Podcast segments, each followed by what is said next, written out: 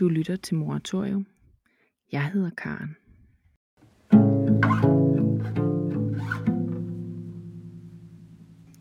I dagens afsnit af Moratorium skal du høre Evas fortælling om at blive til som mor.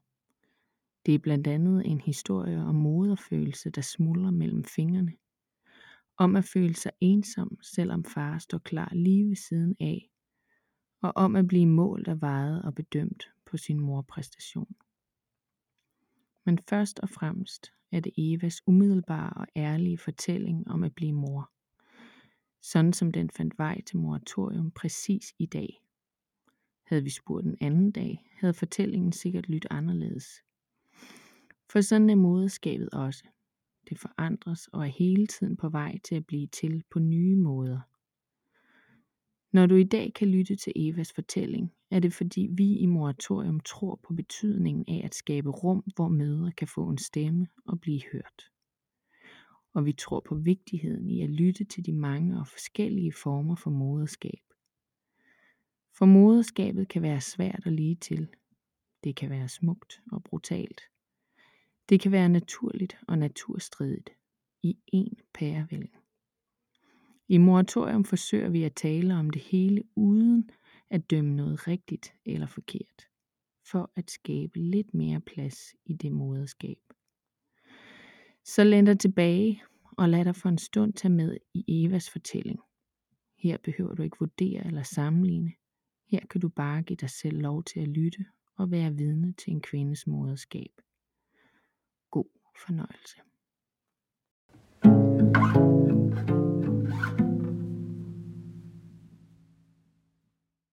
Jamen, jeg tror, historien om, da jeg blev mor, både øh, var sådan meget langt undervejs, øh, og øh, alligevel også kort tid undervejs, fra at øh, vi sådan ligesom besluttede os for, at, at, øh, at nu øh, droppede jeg prævention, og vi gik i gang, så tror jeg ikke, der gik mere end seks måneder, hvilket jeg tror er sådan relativt kort tid i virkeligheden. Øh, men når der alligevel gik rigtig lang tid, øh, er det fordi, at, øh, at jeg har haft sådan en indre dialog med mig selv om at blive mor i det meste af mit unge og voksne liv, tror jeg. Øh, som, som næsten altid er faldet til den side, der hed, at jeg fortalte i verden, at det var ikke noget for mig. At jeg skulle ikke være mor. Øhm, og det havde med mange ting at gøre. Øhm, det havde både med, med min egen opvækst at gøre, og øh, med mine egne erfaringer øh, med at være barn i en familie.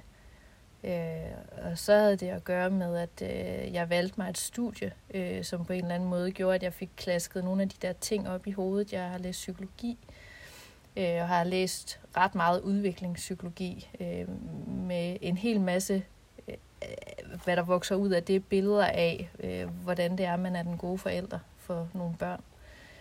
Øh, og så tror jeg også, det kom sig af, at jeg øh, i størstedelen af min ungdom øh, var syg. Øh, jeg havde anoreksi.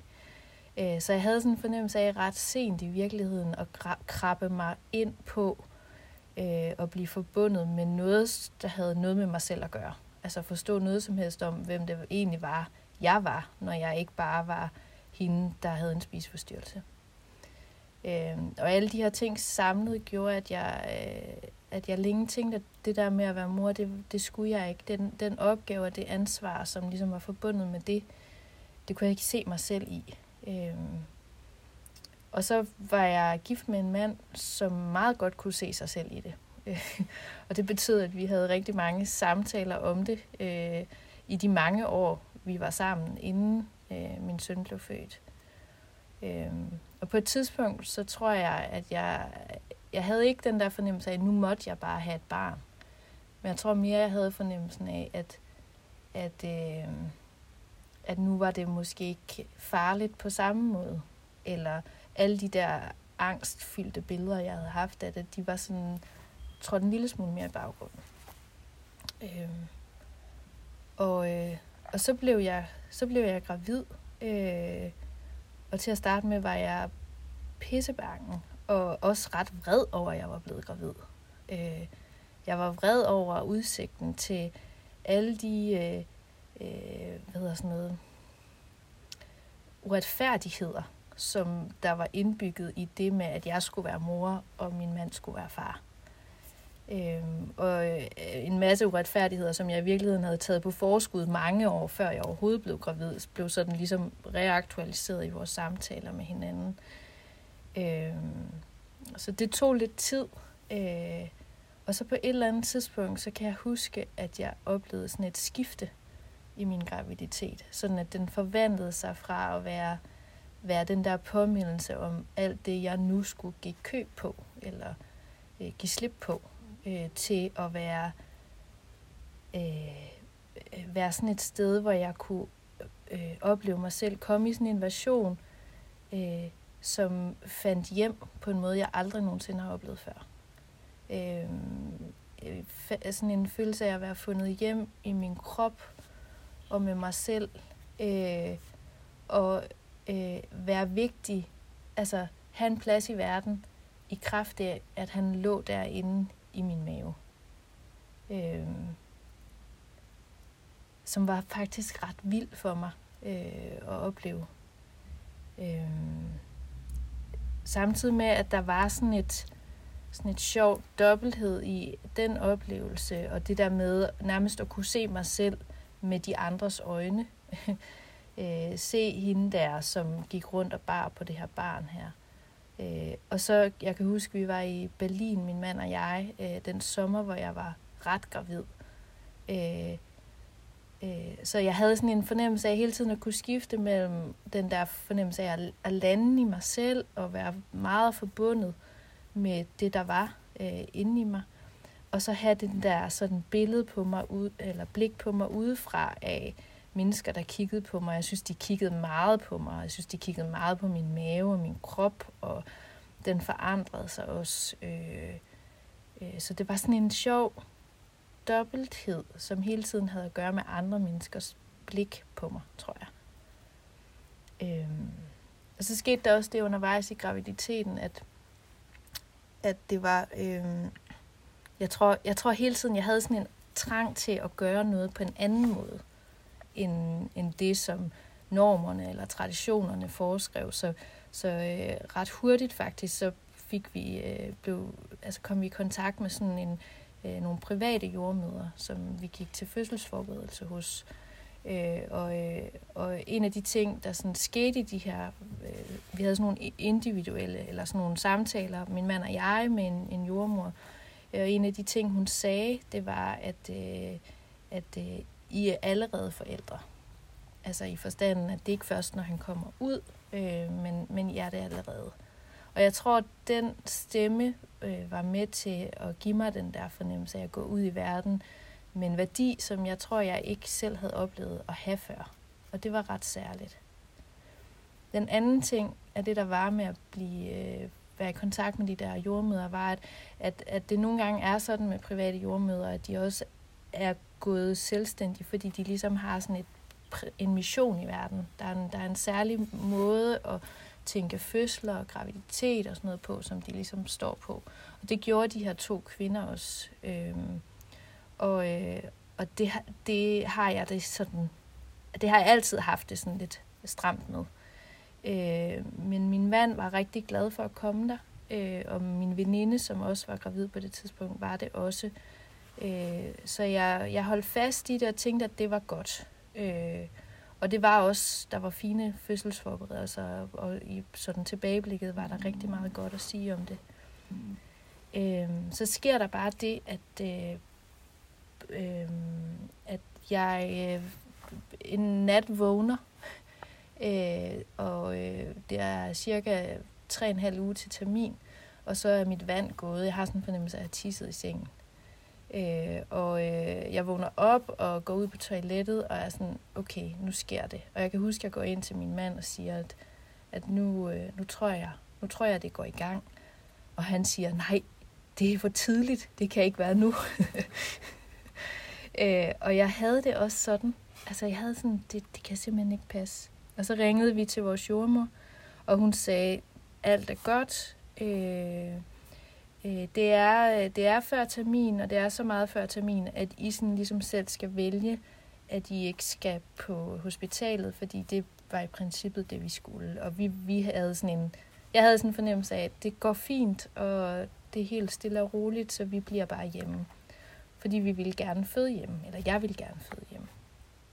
Øhm, og hun siger, læg jer til at sove, hvis I kan bare få en par timer søvn, så, øh, så gør det. Øh, og det gjorde vi, og jeg sov selvfølgelig ikke meget, men vi lå der i den der seng og holdt om hinanden, og trak, jeg trak vejret, ligesom jeg havde hørt, lært, at jeg skulle, og forsøgte at bevæge mig og sådan noget. Og så klokken 6 om morgenen, så var vejerne taget så meget til, så min mand han ringede tilbage til jordmoren øh, og fortalte, og hun var sådan, sæt lige på lige Eva på telefonen, så kan jeg lige høre, når hun snakker med mig, hvor langt hun er. Og så tror jeg godt, hun kunne høre, at nu var det, nu var det ved at nærme sig. Så hun, øh, hun øh, kastede sig i en taxa og kørte øh, til Nørrebro øh, og til os. Og da hun så kommer op i lejligheden, øh, der er jeg sådan øh, ret langt. Øh, jeg begynder at nærme mig noget, der måske kunne kaldes en pressefase. Og jeg ligger øh, inde under bruseren i vores badeværelse. Øh, og indtil hun er kommet, der har min mand rent hektisk rundt, fordi øh, vi skulle, øh, der skulle være det her kar, jeg skulle føde i, om i, i bagklodskabens klare lys, så kunne man tænke, hvorfor skulle jeg det, når nu det ikke var klar. Men han ville gerne pumpe det op øh, og fylde vand i, ligesom vi havde aftalt, for det var ligesom det billede, vi havde haft, jeg havde haft af det. Og det havde jordmoren også sagt, det er nu, det, det er nu, du skulle gøre det, Claus. Så det gjorde han. Øh, og jeg lå der under den der bruser der, og kan huske, at det banker på døren, eller ringer på døren, og hun kommer op, og så siger hun, øh, hvor er min, hvor er min jordmortaske? Og min mand kigger på hende og siger, hvad for en jordmortaske? Og så øh, viser det sig, at der er opstået sådan en kommunikationsfejl, øh, som handler om, at øh, vi skulle have haft alt det her udstyr hjemme hos os, men fordi at øh, jeg er gået i fødsel for tidligt, eller jeg, jeg føder for tidligt, så er alt det der udstyr ikke kommet.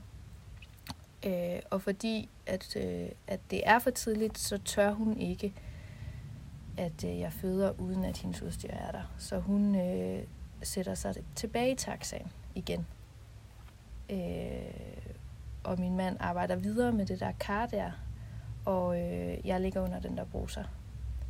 Og, øh, og det er sådan, altså der sker alt muligt fint bagefter, øh, men det er sådan det billede, jeg har af den der fødsel der. Jeg, jeg, jeg, tror, jeg tror aldrig i mit liv, jeg har følt mig så ensom, som da jeg lå derinde under den der bruser der på det gulv. Øh, og øh, havde pressevejer øh, og min mand var i gang med noget. Øh, og jeg, øh, jeg lå der. Øh, så øh, på et eller andet tidspunkt, så, øh, så kommer hun tilbage, øh, og øh, vi lander ligesom alle sammen inde i den her stue, og der er det her kar. Øh, og øh, jeg har sådan en fornemmelse af, at min krop på, på det tidspunkt øh, lige havde været ved at bestemme sig for, at det der, det skal jeg ikke. Altså hvis fødsel er på den der måde, så kan de godt glemme det.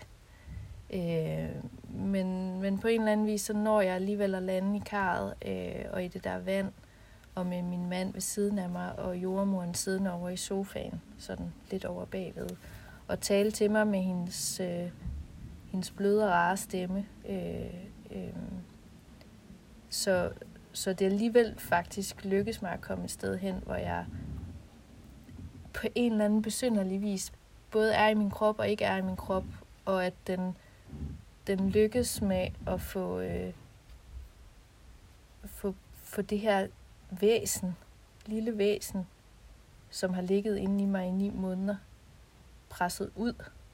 Så og det er simpelthen den, det, altså jeg tror måske, jeg synes, det er en af de vildeste oplevelser, jeg har, den der oplevelse, fornemmelse af både at være i kroppen øh, og ikke være i kroppen. Og øh, blive bragt et sted hen, hvor, øh, hvor det er ligesom om, at der er noget andet, der skal tage over. Og jeg ved stadig ikke helt i dag, hvad det er, der tager over. Øh, men han, han, han kommer ud, og jeg tager faktisk selv imod ham ned i det der vand der. Og, øh, og min jordmor siger, hun sådan, løft ham op på dit bryst, og så ligger jeg, ligger jeg i det der vand, som er fyldt med alt muligt, som ikke er særlig rart at tænke tilbage på i virkeligheden. Øh, øh, og øh, det, er den, øh, det er den 14. september, og det er en af de varmeste septembermåneder, det har været længe. Øh, og solen står lige ind i hovedet på mig, og dermed også i hovedet på ham. Øh, og det er, det er, det er en blanding af alle mulige følelser på én gang. Øh, jeg tror, jeg har sådan en... Altså, jeg har hele tiden den der fornemmelse af både at være i min krop og ikke være i min krop, og være til stede og være observatør af det. Og jeg tror allerede der, øh, vi har allerede snakket om de der mange forventninger og billeder af, hvordan, hvordan alting ser ud, når man bliver mor og skal føde, føde og sådan noget. Jeg kan huske, at jeg tænker, lige nu vil jeg gerne græde, fordi jeg vil gerne kunne fortælle min søn en gang, når han bliver gammel nok til det, at jeg græd, da han blev født. Øh, og jeg kan faktisk ikke huske, om jeg gør det. Jeg tror, jeg har sagt til ham, at jeg gjorde det. Men jeg kan ikke huske, om jeg gør det. Øh, og så har vi den der jordmor hængende. Og jeg tænker, at øh, i virkeligheden, at, at jeg bare ville ønske, hun gik hjem. Øh, og min mand, han øh, laver røræg med tomater ud fra vores nyttehave. Og serverer det både for hende og for mig. Og det er ligesom, da hun sådan har fået det der frokost der, så, øh, så siger hun farvel og tager afsted. Øh, og vi er overladt til os selv. Og til, til, til det der lille, den der lille dreng, som nu er vores, og vi skal passe på og elske ham. Øhm, og jeg ved ikke, hvordan man gør. Øhm, jeg ved, at der, jeg har fået alle de her idéer og tanker om, hvordan man er, hvordan man starter med at være mor på den gode måde. Og en af dem er, er blandt andet, at øh, hud mod hud, sådan hed det meget. Øh, så så jeg, øh, jeg prøver at være den, den dygtige den dygtige mor og øh, ligger mig i en seng, hvor gardinerne er rullet ned, og vi har, vi har faktisk på forhånd, på anbefaling også, øh, besluttet os for, at det der med at få gæster på besøg, det, øh, det var ikke noget, vi sådan ville gøre til at starte med. Så vi er meget bare, min mand og jeg og vores søn, og kigger på ham, og mærker på det, og snakker sammen, og er stille. Øh, Øh, og jeg prøver hele tiden at huske, hvad var det nu, man skulle gøre, når man blev nogens mor. Eller når man nu fødte det her barn her. Øh, og den første uge var for mig sådan en uge, hvor jeg lå inde i den her seng, i det her halvmørke, øh, med ham liggende på mit bryst. Øh, og, øh, og det var svært, synes jeg. Jeg kan huske, at jeg at jeg tænkte, at nu handlede, nu var min opgave at passe på ham. Nu var min opgave at, øh, at ligesom øh, tage vare på ham og, og vise ham, at, øh, at, at mit liv centrerede sig om og, øh, og, øh, og gøre det godt for ham. Og jeg ville, jeg ville gøre hvad som helst. Og samtidig så, øh, så alt det, jeg, jeg, jeg havde fået fortalt, at jeg skulle gøre, det føltes forkert på en eller anden måde. Jeg, jeg lå der, øh, jeg kan huske, at han var fire døgn gammel, før han fik tøj på første gang. Fordi jeg var så angst for, at det der, det der hud mod hud, det kunne blive forstyrret af, at han fik en bluse på, eller et eller andet. Så han havde bare sin blæ på, og det var det, og så lå han på mig. Og jeg kan huske, at vi fik gæster.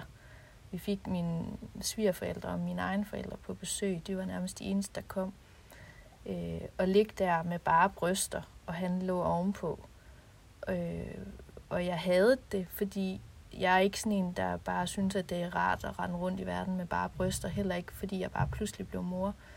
Øh, men, øh, men hvis jeg skulle have hud mod hud, så kunne jeg ikke lade være med det. Øh, og ja, imens den her uge her, den går, hvor han ligger der, så, øh, så øh, ammer han konstant. Han ligger på mig og sutter på mine bryster hele tiden.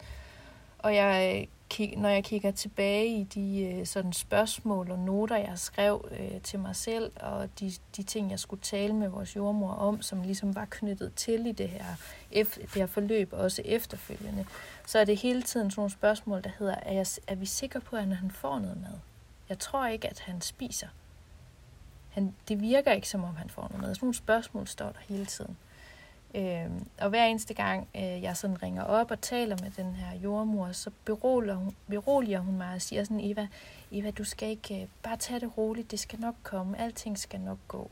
Du behøver ikke være så bekymret for alting, bare, øh, bare læn dig tilbage, og så skal han nok tage det, han vil have. Og jo mere hun siger det, jo mere, jo mere bekymret bliver jeg. Altså fordi jeg får sådan en magtes, fornemmelse af sådan en magtesløshed. Øh, Øh, så jeg tror for mig, at den første tid øh, efter min dreng blev født, øh, meget langt fra mit billede af, hvordan det ville være øh, at blive mor. Øh, det, var, det var en tid, som, hvor jeg, jeg, jeg følte mig ekstremt usikker. Øh, og jeg følte mig øh, Øh, så langt fra en oplevelse af at vide noget om, hvad det var.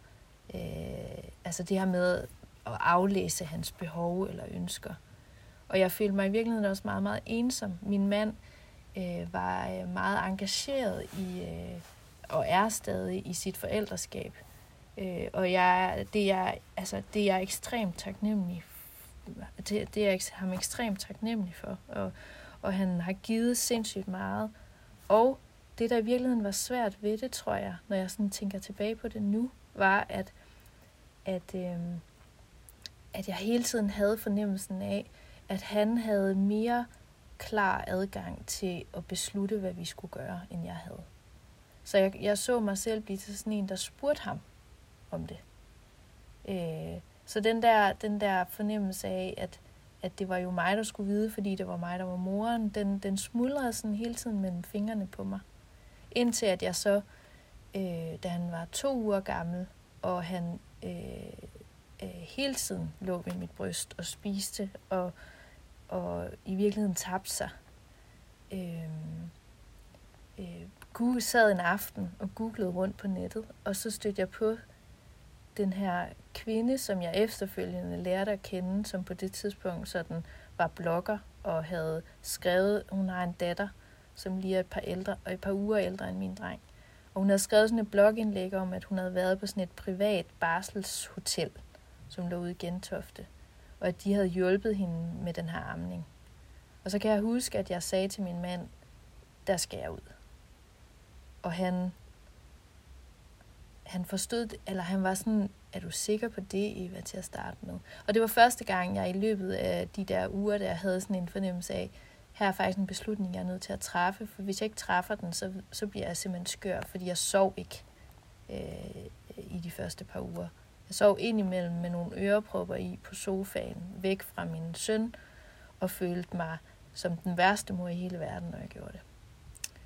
Øh, så øh, min mand puttede vores dreng i en, øh, i en autostol, og så kørte vi til Gentofte. Og så var der en jordmor af den gamle skole, øh, som øh, holdt til i et øh, hotelværelse ude på øh, Gentofte Hotel, hedder det, øh, som vi kom ind til, og der lå sådan en stor hæklet pude, som lignede et bryst, kan jeg huske.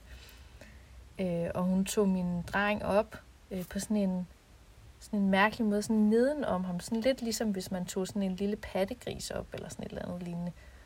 Og så var hun bare sådan, han får ikke nok noget. Han er helt slap. Sådan her skal det ikke se ud.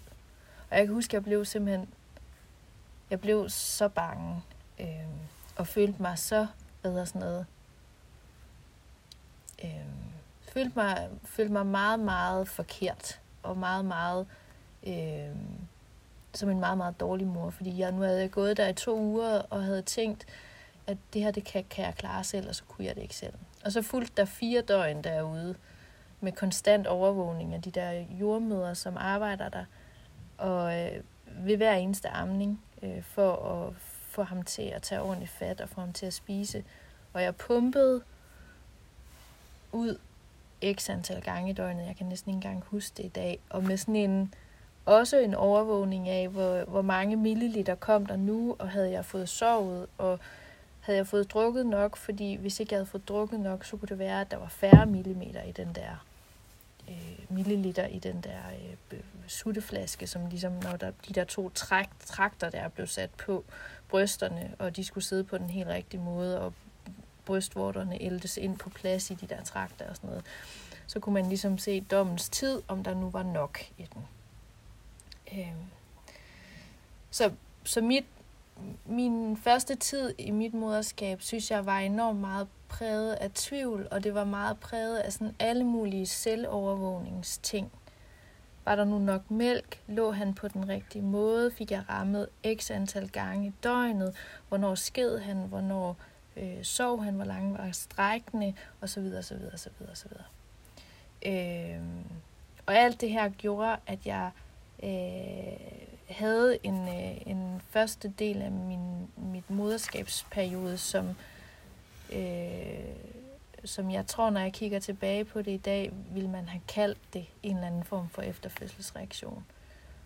Og jeg øh, følte mig meget alene med det. Øh, og jeg, jeg, jeg, tror, jeg tror ikke, jeg havde oplevelsen af at blive, blive set for det, eller genkendt for det, men mere genkendt for på en eller anden måde kampen i det.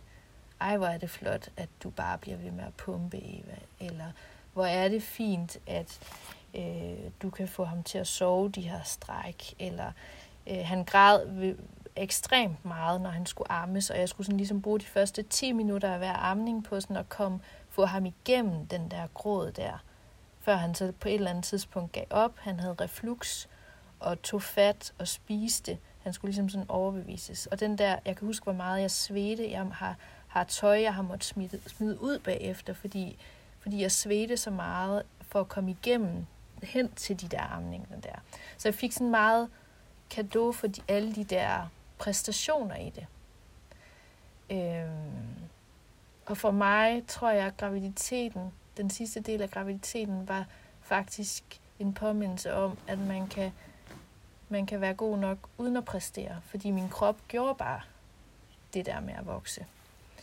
Øhm, så jeg synes i virkeligheden, at øh, i moderskabet blev jeg, første del af det, kom jeg meget, meget langt væk fra, øh, fra mig selv. Jeg, øh, jeg, havde, jeg, jeg kunne ikke længere huske, hvem jeg var, eller hvad jeg var, eller hvad jeg var god til. Øh, eller hvorfor det var, jeg skulle være der. Sådan havde jeg det også i en periode. Er vi sikre på, at jeg er nødvendig her? Sådan tror jeg også, jeg havde det. Øhm. Ja.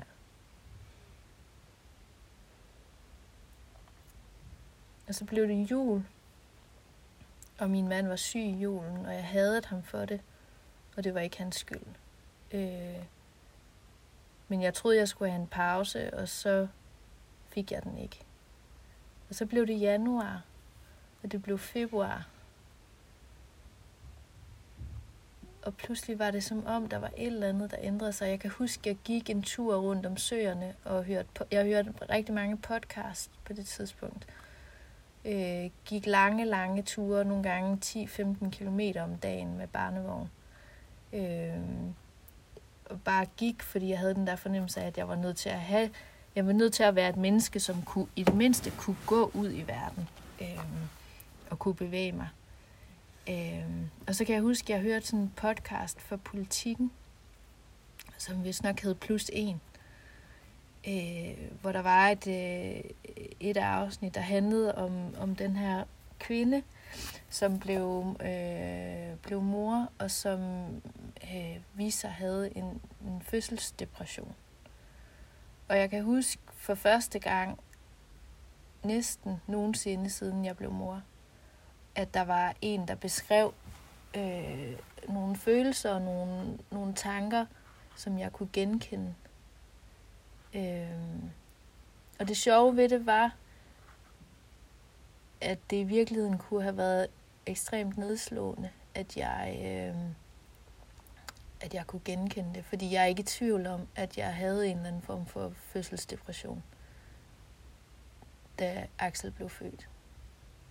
Øh, men det var måske i virkeligheden den vildeste landingsplads, jeg havde, fordi jeg tror, jeg havde den der fornemmelse af at komme ud på den anden side af noget, og samtidig få tilbudt et sprog for og en, en legitimering af de følelser, jeg havde haft, som jeg havde en oplevelse af, at der var ingen andre, der, øh, der kunne genkende eller forstå.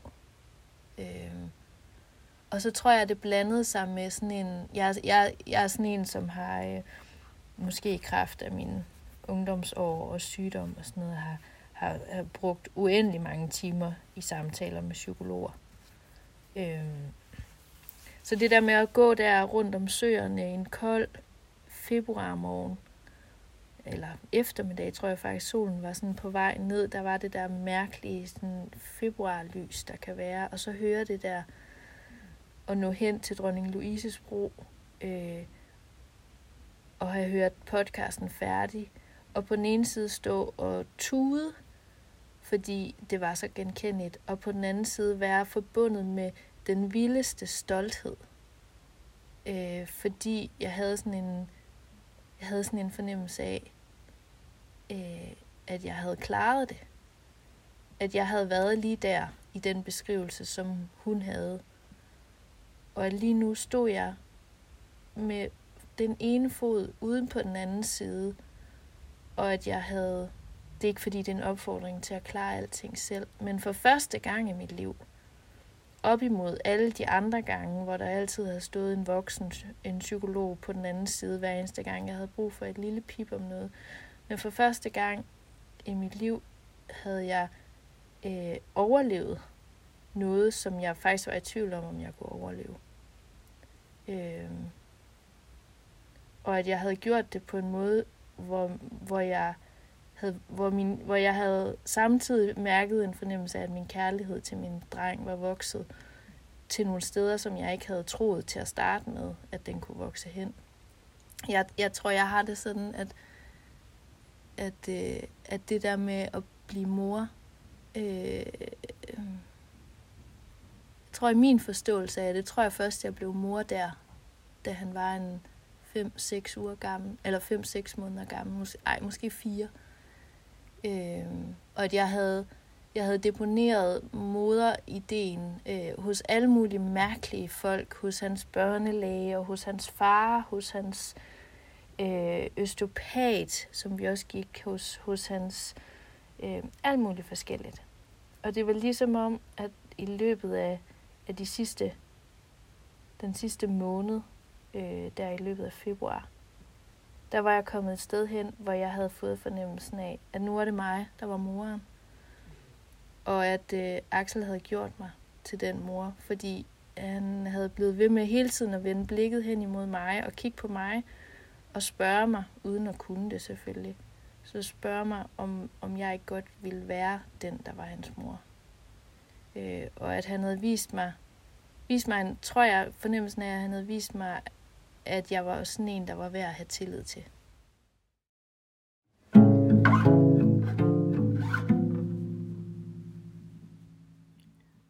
Det var alt for nu. I dag har du lyttet til Evas fortælling om at blive til som mor. Hvis du har lyst til at dele din egen historie med os, så skriv til os på moratoriumpodcast eller via vores Instagram-profil moratoriumpodcast. Her kan du også finde mere information om kommende afsnit og skrive til os, hvis du har kommentarer eller spørgsmål. Hvis du kan lide, hvad du hører, håber vi selvfølgelig, at du vil hjælpe os med at få podcasten ud til flere lyttere ved at give os en anmeldelse eller dele podcasten med andre derude. Du kan også abonnere på Moratorium, der hvor du finder dine podcasts, så du automatisk kan følge med, når der kommer nye afsnit. Vi lyttes ved. thank you you